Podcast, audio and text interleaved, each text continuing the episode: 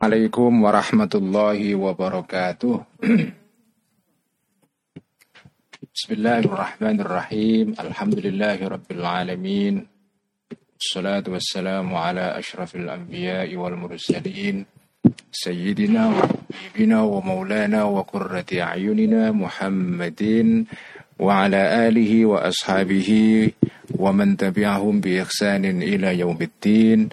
رب اشرح لي صدري ويسر لي أمري واحلل عقدة من لساني يفقه قولي رب زدنا علما وارزقنا فهما آمين يا رب العالمين أما بعد Teman-teman, mari kita melanjutkan ngaji kitab Al-Iqtisad fil I'tiqad.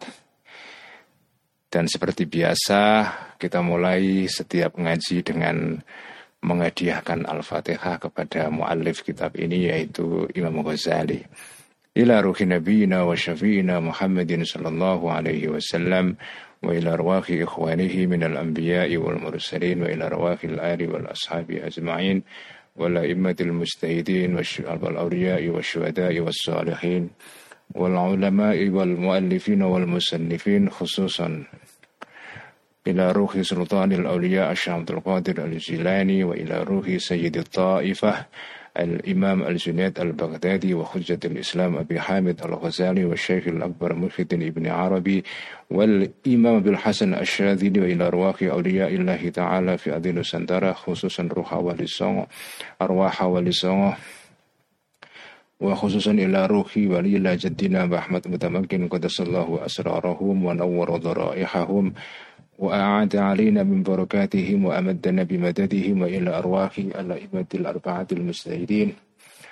وإلى أرواح مؤسسي جمعية نهضة العلماء خصوصا روح حضرة الشيخ هاشم أشعري شيخنا خليل بنكالان كياي واحد قستور كياي وأب حسب الله كي بشي سنسوري كي أسعد كي أحمد صديق كي معصوم كي علي معصوم كي عبد الله سلام كي سال محفوظ كي بشي مصطفى. وصولهم وفروعهم مشايخ مشايخ مشايخهم إلى أرواح آبائنا وأمهاتنا وأجدادنا وجدادنا ومشايخنا مشايخ مشايخنا حسن روح أبيك عبد الله رفاعي وروح أمي سلامة. وروح أمي فاطمة غفر الله ذنوبهم وستر عيوبهم يعني درجاتهم. شيء لله لهم الفاتحة. أعوذ بالله من الشيطان الرجيم. بسم الله الرحمن الرحيم. الحمد لله رب العالمين الرحمن الرحيم. مالك يوم الدين. إياك نعبد وإياك نستعين. اهدنا الصراط المستقيم. صراط الذين أنعمت عليهم غير المغضوب عليهم ولا الضالين. آمين. بسم الله الرحمن الرحيم. قال المؤلف رحمه الله تعالى وأدام النفع به وبعلومه في الدارين آمين رب يسر وأعين Ah, teman-teman, kitab Al-Iqtisad fil I'tiqad ini adalah karya penting Imam Ghazali. Ini bagi teman-teman yang mungkin baru ikut ngaji ya atau belum kenal kitab ini. Ini sekedar keterangan ulangan jadi kitab Al-Iqtisad fil I'tiqad ini adalah karya penting Imam Ghazali, imam besar Islam yang hidup pada abad ke-10 Masehi. Kira-kira sezaman dengan kerajaan Mataram kuno ya di Jawa Tengah ini masih di Jawa Tengah saya kira sebelum pindah ke Jawa Timur. Uh, ini kitab penting ditulis oleh Al Ghazali mengenai akidah ya. Akidah sesuai dengan rumusan akidah Asy'ariyah yang diikuti oleh mayoritas umat Islam seluruh dunia dari dahulu sampai sekarang ini. Ya. Itu namanya akidah Asy'ariyah. Ya. Nah banyak kitab-kitab yang ditulis di dalam bidang akidah Asy'ariyah ini dan uh, dari yang ringkas sampai yang mendalam sekali ya. Nah, yang ringkasan-ringkasan itu biasanya menjadi kitab teks ajar untuk diajarkan kepada para pelajar yang pada tingkat permulaan ya. Misalnya kitab uh, Jauharatul Tauhid ya. Atau yang paling dasar adalah Aqidatul Awam. Ya, Aqidatul Awam itu kitab dalam bentuk nazam, dalam bentuk syair yang eh, ditulis mengenai masalah akidah asyariah. Saya masih ingat Cak Nur dulu ya almarhum eh, Dr. Nur Khalis Majid itu apal itu uh, nazam itu ya sampai awal dari awal sampai akhir kata uh, hafal itu. Karena Cak Nur ini dulu adalah pondokan pondok pesantren tradisional. Sebelum Cak Nur itu mondok di Gontor ya, itu permulaan mondoknya itu di pondok pesantren Peterongan di Jombang Darul Ulum ya. Eh, mondok dengan Kiai Mustain Romli ya. Jadi Cak Nur itu sebelum mondok di pondok modern, eh, dia mondok di pondok tradisional. Karena itu dia hafal nazam akidatul awam yang eh, apa namanya merupakan teks pengantar untuk akidah asyariah. Kemudian setelah itu ada kitab namanya Jauhatut Tauhid ya ada apa namanya risalah Sanusia, ada Umul Borohin dan seterusnya. Nah, salah satu kitab dalam bidang akidah Asyariah ini adalah kitab yang ditulis oleh Imam Ghazali ini. Judulnya adalah Al-Iqtisad fil I'tiqad, yaitu sikap tengah-tengah di dalam masalah akidah ya. Makanya akidah asyariah yang merupakan akidah mayoritas umat Islam di seluruh dunia sampai sekarang ini itu karakter dasarnya adalah moderat. Karena itu umat Islam yang tumbuh dari akidah seperti ini itu umumnya moderat ya. Dalam segala apa dalam segala hal ya itu moderat dalam bidang politik moderat, dalam bidang kebudayaan juga moderat, dalam masalah uh, akidah juga moderat uh, dan seterusnya. Karena itu kalau ada kelompok-kelompok kok radikal, apalagi terjatuh di dalam kelompok terorisme, jihadisme, itu bisa dipastikan bukan berasal dari orang yang tumbuh dalam akidah ini. Bisa dipastikan itu. Karena akidah asyariah itu memang dari awal itu moderat. Dan ulama-ulama yang tumbuh dari tradisi akidah ini itu moderat dari dulu moderat, tengah-tengah ya. Sikapnya itu balance ya. Uh, makanya ngaji akidah ini ya ngaji kitab Al-Iqtisar fil ini sebetulnya sebetulnya menurut saya adalah bentuk moderasi beragama. Ya. Jadi sekarang ini kan moderasi beragama merupakan apa namanya proyek pemerintah melalui Kemenak ya. Nah, yang ngaji kitab Al-Iqtisad fil ini atau yang ngaji akidah asyariah di pondok-pondok pesantren atau di lembaga-lembaga pendidikan Islam yang lain sebetulnya mereka ngaji akidah yang moderat itu ya. Yang itu itu tergambar di dalam ya perilaku ya. Perilakunya pun juga juga moderat ya. Jadi apa namanya? Inilah inilah produk dari akidah asyariah itu itu ya jadi orang-orang yang mengikuti akidah Asyariah ini dari dulu nggak pernah berjuang untuk misalnya mendirikan negara Islam itu enggak. Ya, berjuang melaksanakan ajaran Islam ya. Tapi mendirikan negara Islam itu enggak. Ya, contohnya misalnya kayak Mbah Hashim Asyari ya. Mbah Hashim ya pengikut akidah Asyari ya. Begitu Indonesia berdiri ya ikut Indonesia. Bahkan mengirim anaknya Ki Wahid Hashim untuk menjadi salah satu anggota di dalam BPUPKI untuk menyiapkan atau merancang bangun negara Indonesia ini.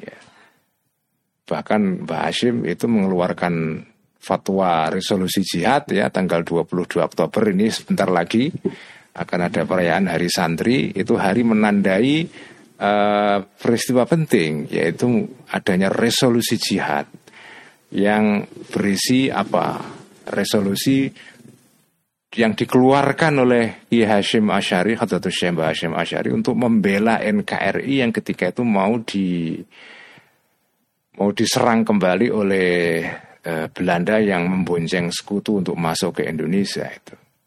Jadi itu ya makanya belajar akidah asyariah seperti ini itu itu dampaknya itu nyata membentuk karakter, mindset, cara berpikir, perilaku umat Islam yang moderat itu ya. Dalam segala hal. Dalam hubungan antara Islam dengan kebudayaan lokal itu juga moderat. Moderat ya. tidak memusuhi kebudayaan lokal, tapi juga tidak kemudian terus semuanya diterima walaupun tidak sesuai dengan ajaran Islam. Ya enggak ya. Tapi juga tidak ditolak dengan alasan ini bid'ah macam-macam itu enggak itu. Itu itu hasil positif yang real dari akidah asyariah. Nah, ini kita ngaji kitab ini itu untuk itu gitu loh ya. Ini ngaji Al-Iqtisad fil ini juga secara tidak langsung ya, secara tidak langsung kita merawat Indonesia. Kita ini ikut menjaga Indonesia antara lain dengan ngaji akidah asyariah ini. Salah satunya yang ngaji kitab Al-Iqtisad fil ini. Memang akidah asyariah ini terutama kalau dibaca melalui kitab-kitab yang yang agak agak mendalam seperti kitab Al-Iqtisad fil ini memang agak sedikit rumit ya. Tapi itu sekaligus menunjukkan bahwa jenengan itu belajar akidah tapi juga sekaligus belajar mempertajam nalar. Jadi iman dipertebal tapi juga nalar dipertebal. Dua-duanya itu. Nah, oke, okay, sekarang kita masuk ke kitab Al-Iqtisad fil ya. Uh, halaman 199 wa illam yakun qadiran alaihi fahuwa muhalun annal jawahir mutamathilatun ini masih pelanjutan dari uh, jawabannya Al Ghazali ya kemarin malam yang ikut ngaji kemarin malam masih ingat ya jadi Al Ghazali kemarin setelah menjelaskan tentang uh, apa namanya uh, dalil bahwa Allah itu esa bahwa Allah itu satu ya. Kemudian ada yang yang menyanggah ya. Lalu sanggahan itu dijawab oleh Al-Ghazali. Nah, ini masih kelanjutan sanggahan Al-Ghazali. Wa illam yakun. Jantikan dan jika tidak ada Tuhan yang pencipta langit tadi itu. Qadiran itu mampu alaihi untuk mencipta bumi. Ya, kalau dikatakan Kemarin kan dikata, kemarin kan penyanggahnya mengatakan, apakah tidak mungkin misalnya Tuhan itu satu, cuma satu ini banyak. Satu ada ya Tuhan satu bagian menciptakan langit, ada Tuhan satu lagi menciptakan bagian menciptakan bumi, ada lagi yang spesialis menciptakan tumbuh-tumbuhan, menciptakan apa namanya binatang dan seterusnya. Ya. Jadi Tuhan satu, cuma satu itu banyak. Ya satu dengan spesialisasi yang bermacam-macam. Ya. Kenapa tidak mungkin kita membayangkan senario seperti itu? Nah, kemarin sudah dijawab, nggak mungkin. Pertama jawabannya adalah ada dua kemungkinan. Ya, Tuhan yang lebih dari satu ini, ya. Kemarin jawaban pertama adalah eh, apa namanya? Eh, ditanya balik ya Al Ghazali menanya balik bertanya balik jadi jawabannya berupa pertanyaan balik apakah Tuhan yang lebih dari satu itu misalnya misalnya ya diandaikan ada Tuhan khusus satu bagian menciptakan langit ada Tuhan satu lagi bagian menciptakan bumi pertanyaannya apakah Tuhan yang menciptakan langit itu tidak mampu menciptakan bumi ya kalau dikatakan mampu ya berarti sama apa gunanya ada dua Tuhan? Ya, wong mampu, ya. Begitu juga Tuhan yang menciptakan bumi itu mampu nggak menciptakan langit? Mampu ya. Kalau mampu kenapa harus ada dua Tuhan?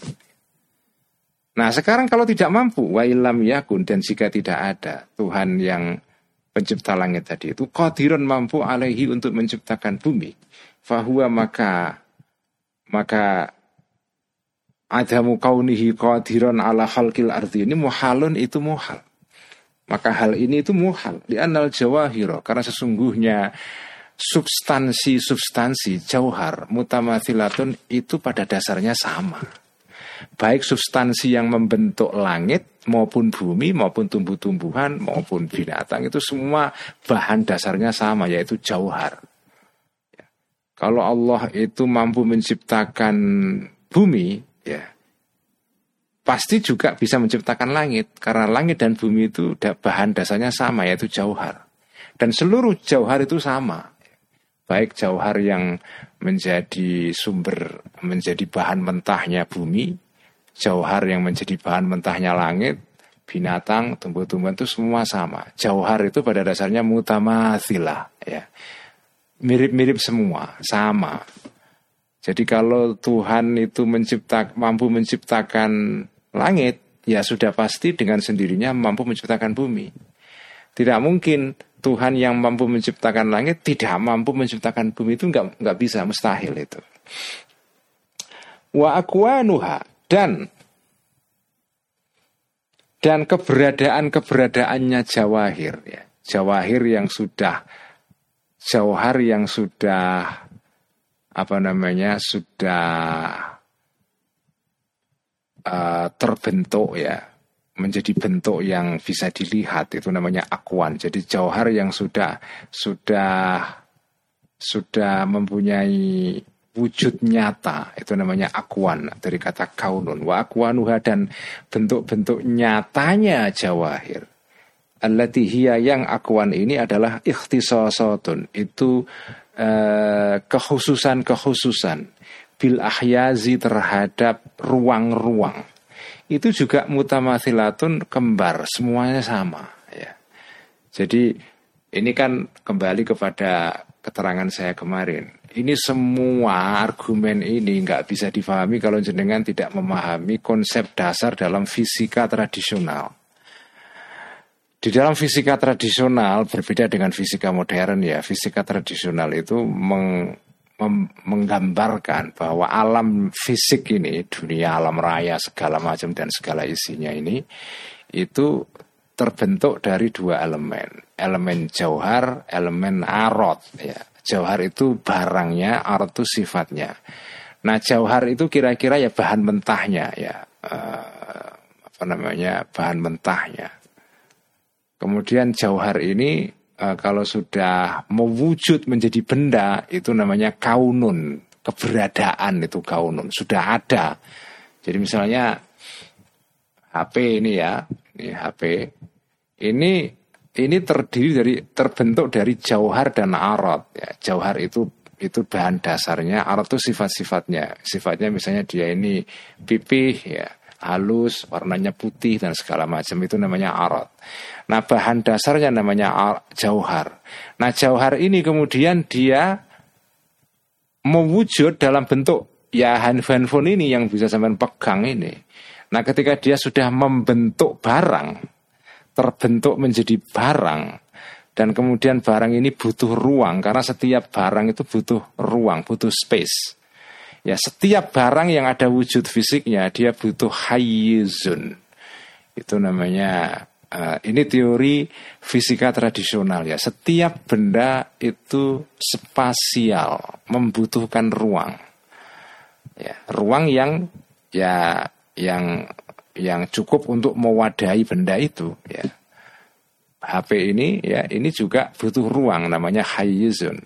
Nah, jauhar yang sudah terbentuk menjadi barang yang yang butuh ruang itu namanya kaunun itu.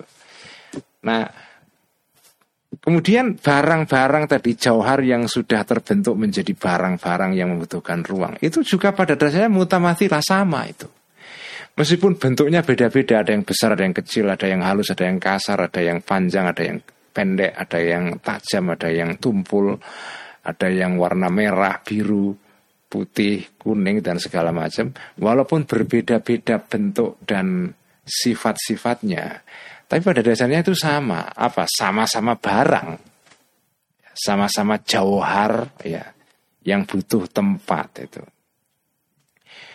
Karena itu tidak bisa kita membayangkan Tuhan mampu menciptakan barang ini, tapi tidak mampu menciptakan barang yang lain. Wong kedudukannya sama kok ya.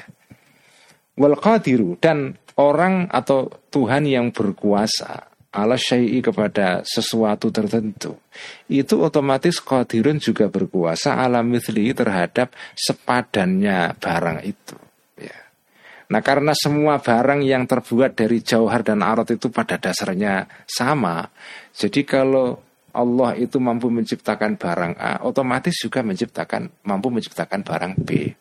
Tidak mungkin membayangkan skenario nya itu ada Tuhan bagian menciptakan barang A, ada Tuhan yang menciptakan barang B. Itu tidak masuk akal. Itu intinya argumen ini saudara-saudara. Intinya apa? Tuhan itu hanya satu. Tidak mungkin Tuhan itu dua itu ya. Idza jika ada kudratuhu kudrat atau kekuasaannya Al-Qadir tadi itu Tuhan yang Maha Kuasa itu qadimatan bersifat qadim ya. Bersifat kuno, artinya tidak baru seperti kekuasaannya makhluk. Manusia itu punya kekuasaan juga tapi kekuasaannya itu hadisatun ya. Bihaitsu yajuzu sekiranya apa namanya sekiranya mungkin ya anta ta'allaqa untuk berhubungan kudratul qadir yang qadim tadi itu ya berhubungan uh, kudrah tadi itu bimaqdu roini ya dengan sesuatu yang dimampui dengan dua sesuatu yang dimampui dikuasai yang bisa di di apa di, di diciptakan ya. Jadi ini sebelum sebelum saya lanjutkan ya. Ini ini bisa difahami kalau sampean tahu konsep dasarnya. Setiap al-qadir setiap orang yang mampu berbuat sesuatu itu dia mempunyai makdur yaitu barang atau sesuatu yang dia mampu melaksanakannya. Ya misalnya saya ini. Saya ini adalah punya kemampuan orang yang punya kemampuan dalam bahasa Arab disebut dengan al-qadir. Orang yang mampu orang yang capable of doing. Jadi dia mampu melakukan sesuatu. Nah, setiap orang yang mampu melakukan sesuatu, dia punya objek yang dia mampu melakukan sesuatu itu. Ya, dia punya kemampuan dia itu punya punya hubungan dengan sesuatu di luar dirinya yang orang tersebut, orang yang mampu itu bisa mengerjakan sesuatu itu. Jadi misalnya saya ini mampu, mampu apa? Mampu misalnya mampu berjalan, mampu berbicara, mampu makan, mampu melihat. Nah, berbicara, makan, melihat, berjalan itu semua namanya makdur. Ya, makdur sesuatu yang dikuasai, dimampui. Jadi ada kemampuan, ada orang yang mampu, orang yang punya kemampuan tersebut, ada objek kemampuan. Ada tiga elemen di sini. Jadi ada ada competence, ada kemampuan, ada kompeten orang yang mampu, ada objek kompetensi. Ada sesuatu yang menjadi objek dari kompetensi itu. Jadi sampai kompeten. Kompeten apa? Kompeten berbahasa Inggris, kompeten berbahasa Arab, kompeten melakukan hitung menghitung, kompeten menulis. Ya kompeten berdagang itu semua namanya makdur ya. Nah, apa namanya? Uh, Tuhan itu adalah maha mampu, maha berkuasa, punya kudrah. Nah, kudrohnya Tuhan itu berhubungan dengan makdur yang banyak. Karena Tuhan itu punya kemampuan yang maha maha besar ya. Jadi kemampuannya itu tidak mungkin dibatasi hanya pada satu objek tertentu. Misalnya Tuhan hanya mampu menciptakan langit saja. Lalu dibutuhkan Tuhan yang lain yang mampu menciptakan bumi. Itu tidak masuk akal itu. Itu intinya. Jadi karena kudrohnya Allah itu kodimah, ya, bersifat kodim, maka dia kudrohnya ini berhubungan dengan makdur yang banyak. Wakul kulli wahidin dan kemampuan masing-masing ya minhuma dari apa namanya makdura ini tadi itu atau minhuma dari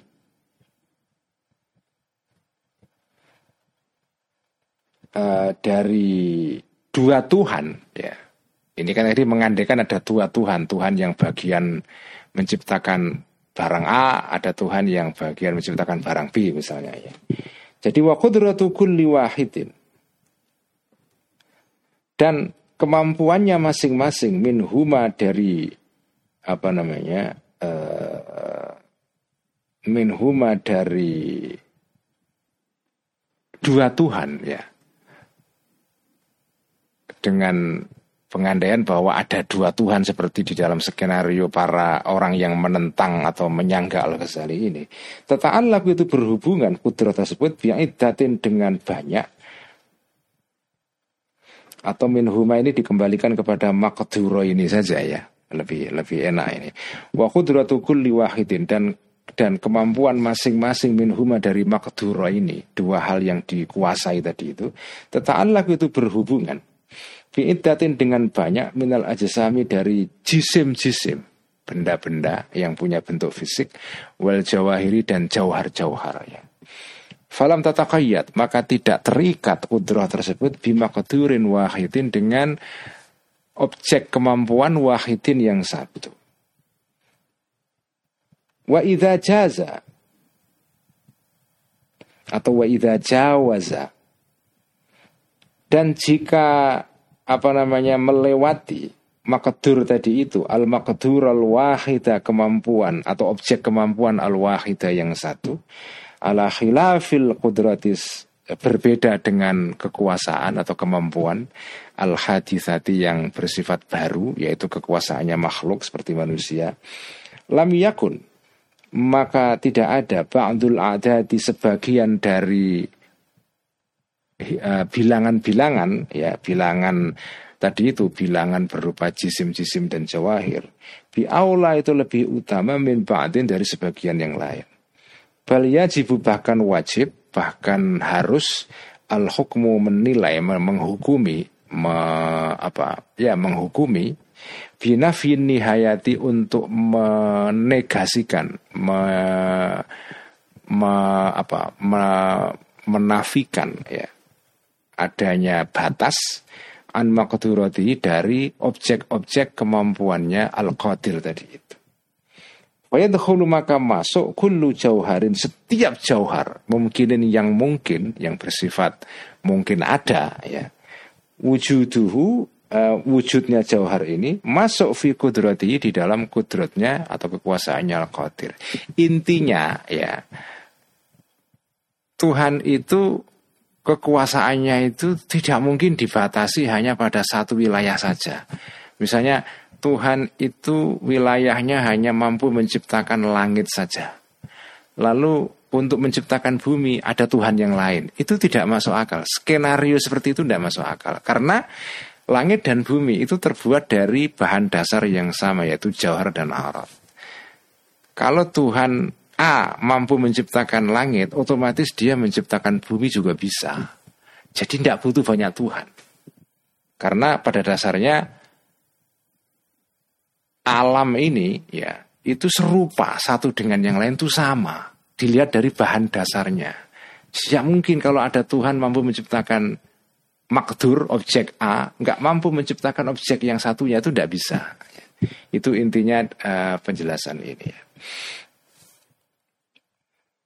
Ini adalah eh, apa namanya bagian yang pertama ya bagian yang pertama dari apa namanya eh, dari sangkalannya orang yang menyangkal pandangannya atau keterangannya Al Ghazali tadi itu.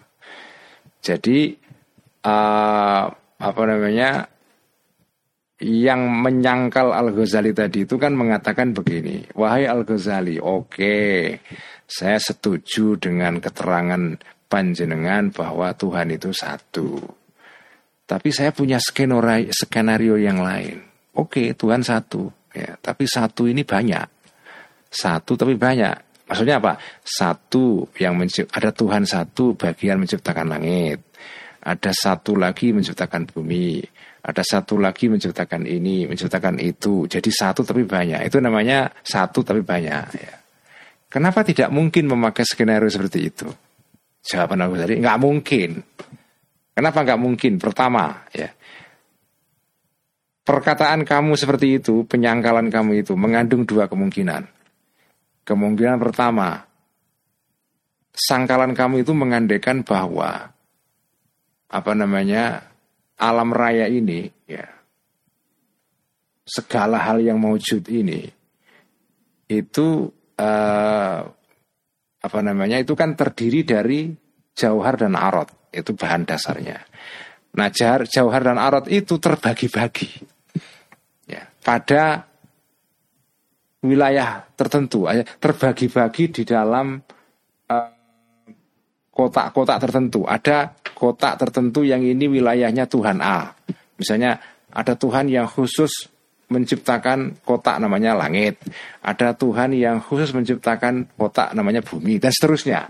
Jadi kamu mengandaikan bahwa terjadi pengkotak-kotaan jauhar dan arot.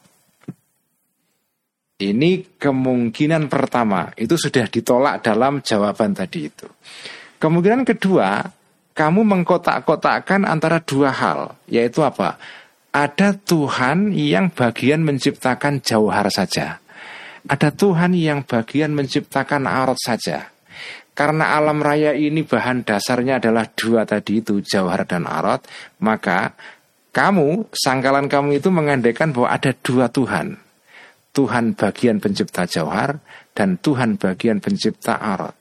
Kemungkinan kedua ini yang mau disangkal oleh Al-Ghazali di sini. Walkis muthani dan bagian kedua. An yukola dikatakan sebagai jawaban baliknya. Uh, Anyukola dikatakan ini ini perkataan ini adalah perkataan orang yang tadi itu menyangkal Al Ghazali yaitu apa? Ahaduhuma salah satu dari dua Tuhan. Itu yakdiru kuasa ahaduhuma alal jawahiri untuk menciptakan jauhar-jauhar menciptakan substansi-substansi benda-benda wal akharu sementara Tuhan yang lain alal arodi kuasa untuk menciptakan arot-arot saja jadi ini ada division of labor, pembagian pekerjaan. Ada Tuhan yang bagian pencipta jauhar, ada Tuhan bagian pencipta arot. Jadi ada dua Tuhan di sini. Nah, ini ini adalah kira-kira uh, substansi dari sangkalannya orang yang menentang Al Ghazali tadi itu. Wahuma dan kedua hal ini, wahuma dan dua Tuhan ini mukhtalifan itu beda. Ya, tidak sama ya. Ya, jadi Tuhan yang satu bagian jauhar, Tuhan yang satu bagian arot. Jauhar dan arot itu beda, wahuma dan jauhar dan wahuma dan jauhar serta arot itu mukhtarifani beda. Falaya jibu maka tidak maka tidak harus ya, maka tidak niscaya minal kudrati dari mampu ala ahadihima untuk melakukan atau menciptakan salah satu dari jauhar dan arat al kudratu fa'ilnya yajibu maka tidak saya apa yang tidak saya al kudratu mampu alal akhari untuk menciptakan yang lain yaitu arat karena jauhar dan arat itu dasarnya beda maka saya maksudnya saya ini adalah orang yang menyangkal al ghazali tadi itu mengandaikan kita butuh dua Tuhan kenapa karena jauhar dan arat ini beda-beda jadi Tuhan yang mampu menciptakan jauhar belum tentu dia mampu menciptakan arot. Karena begitu maka kita butuh dua Tuhan. Tuhan bagian jauhar, Tuhan bagian arot. ya ini anu aja ya. Ini olah nalar ya. Ini sekaligus sampai belajar bernalar ya. Agak rumit sedikit, tidak apa-apa lah ya. Uh, apa namanya menarik ya orang yang suka bernalar pasti suka membaca penjelasan akidah seperti ini ya. Ini ini sebagai selingan ya. Ini yang menjelaskan kenapa orang-orang yang mengikuti akidah asyariah itu moderat.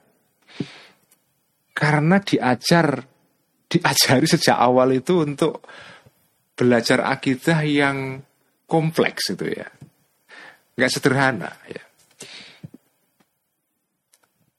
Beda dengan rumusan akidah, ya saya nggak usah sebut nama kelompok nanti menyinggung nggak baik ya.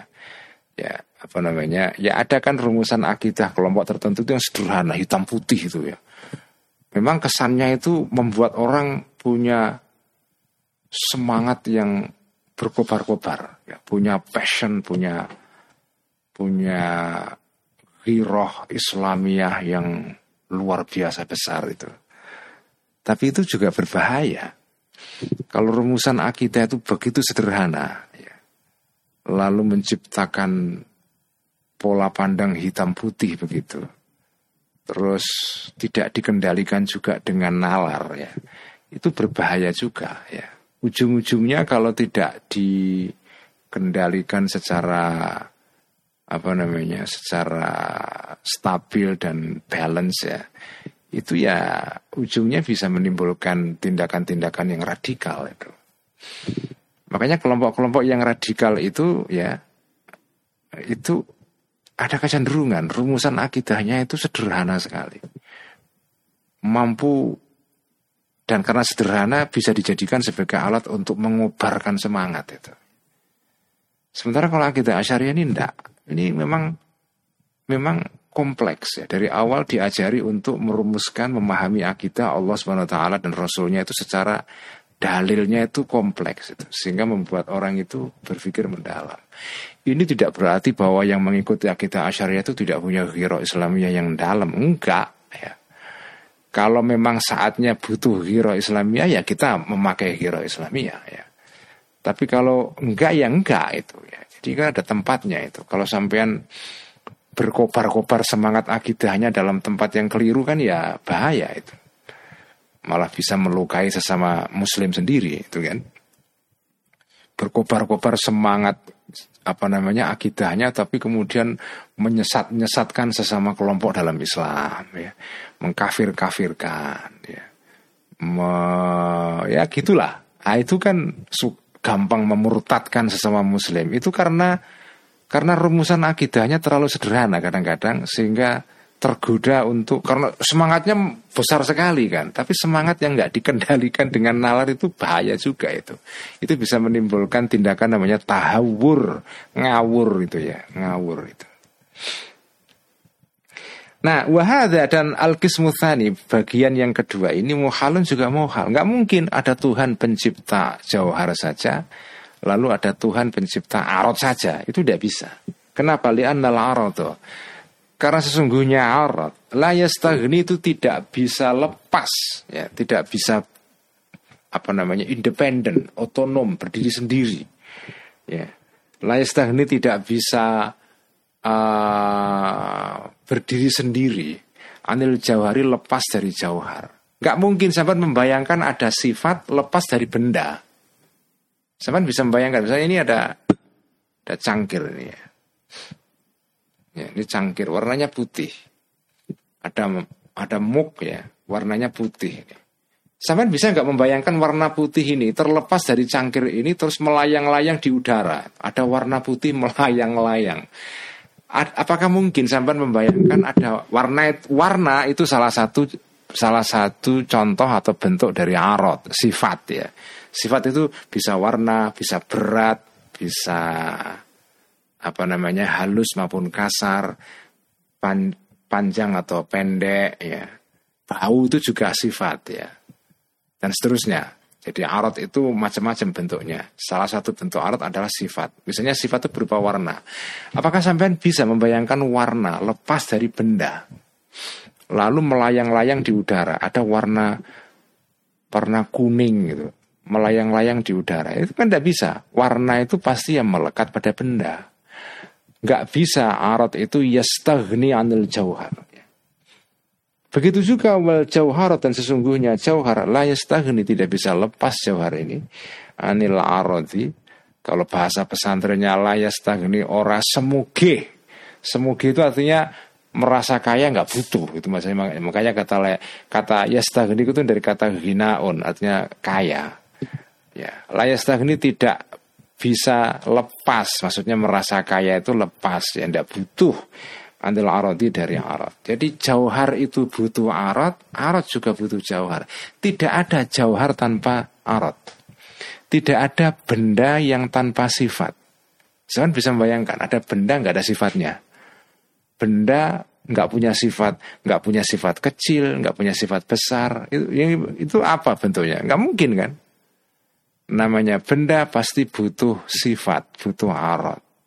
Arot juga butuh sifat. Eh, arot juga butuh jauhar.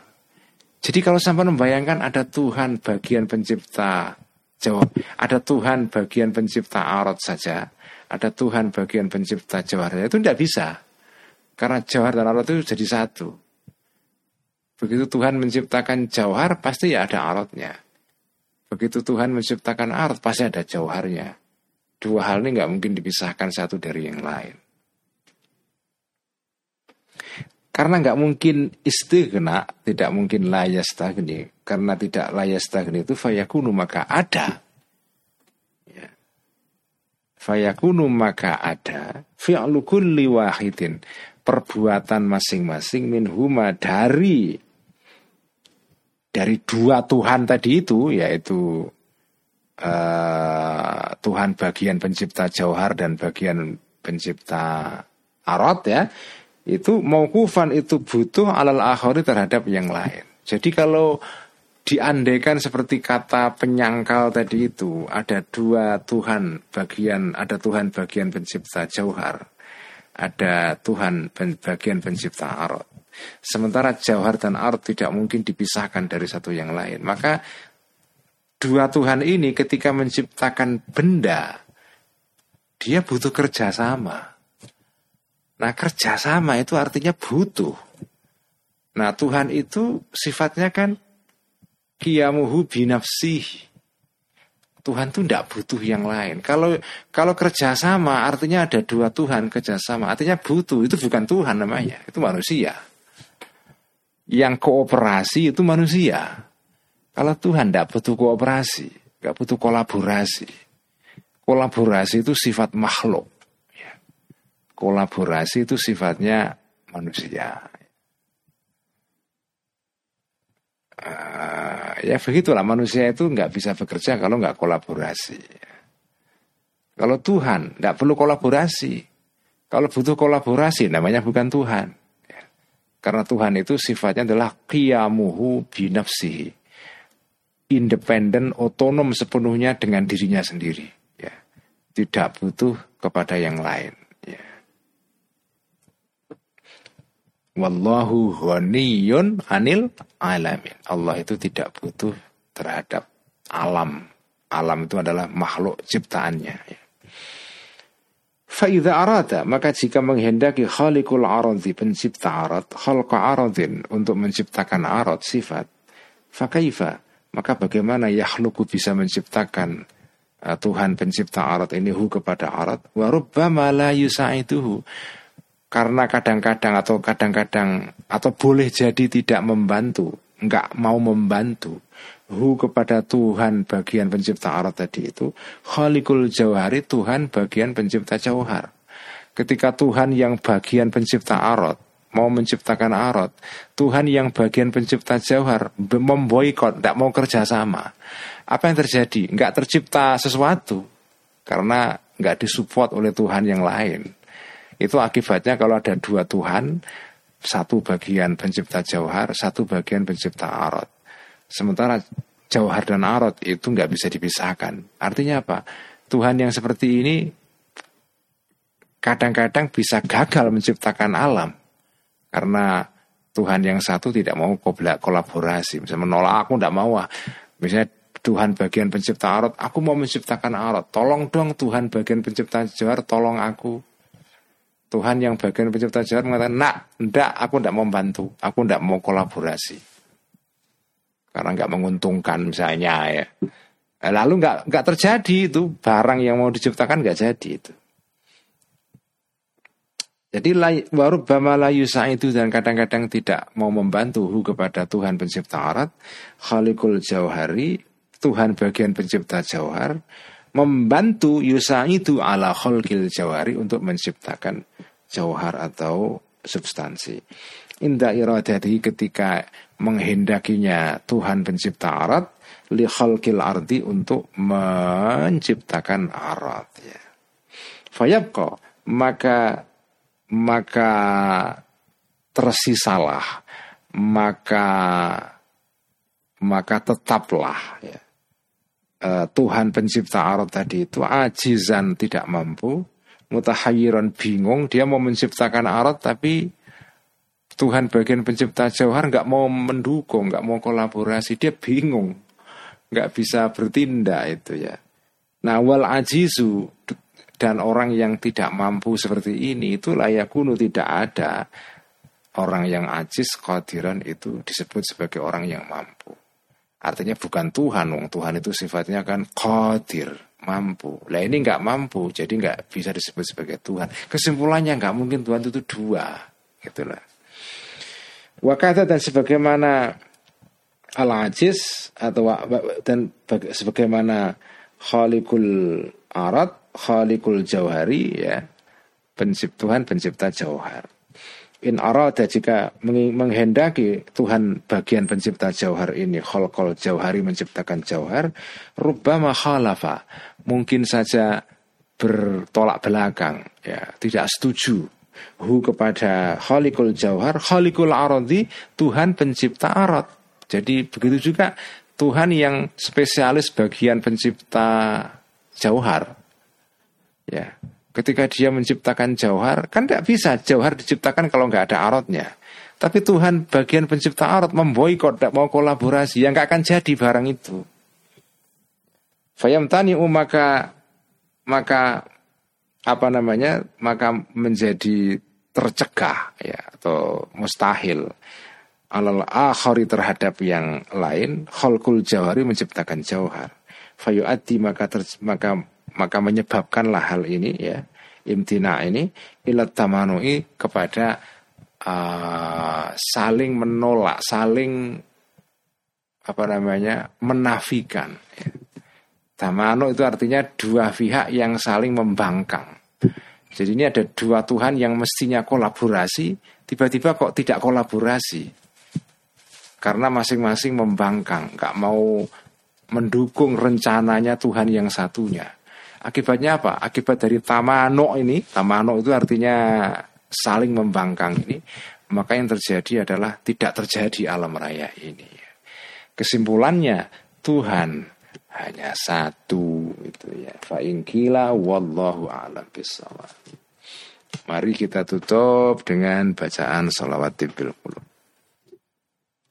Allahumma salli سيدنا محمد طب القلوب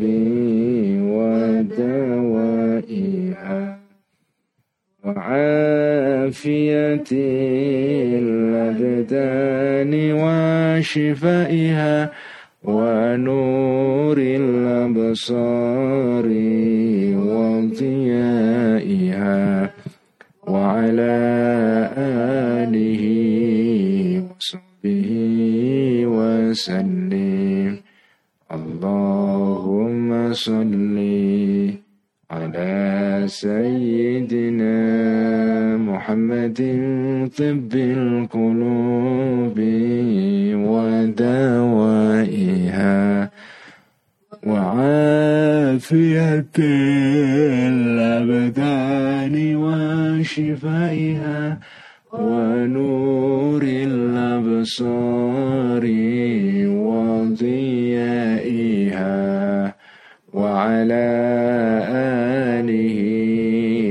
وصحبه وسلم. صل على سيدنا محمد طب القلوب ودوائها وعافية الأبدان وشفائها ونور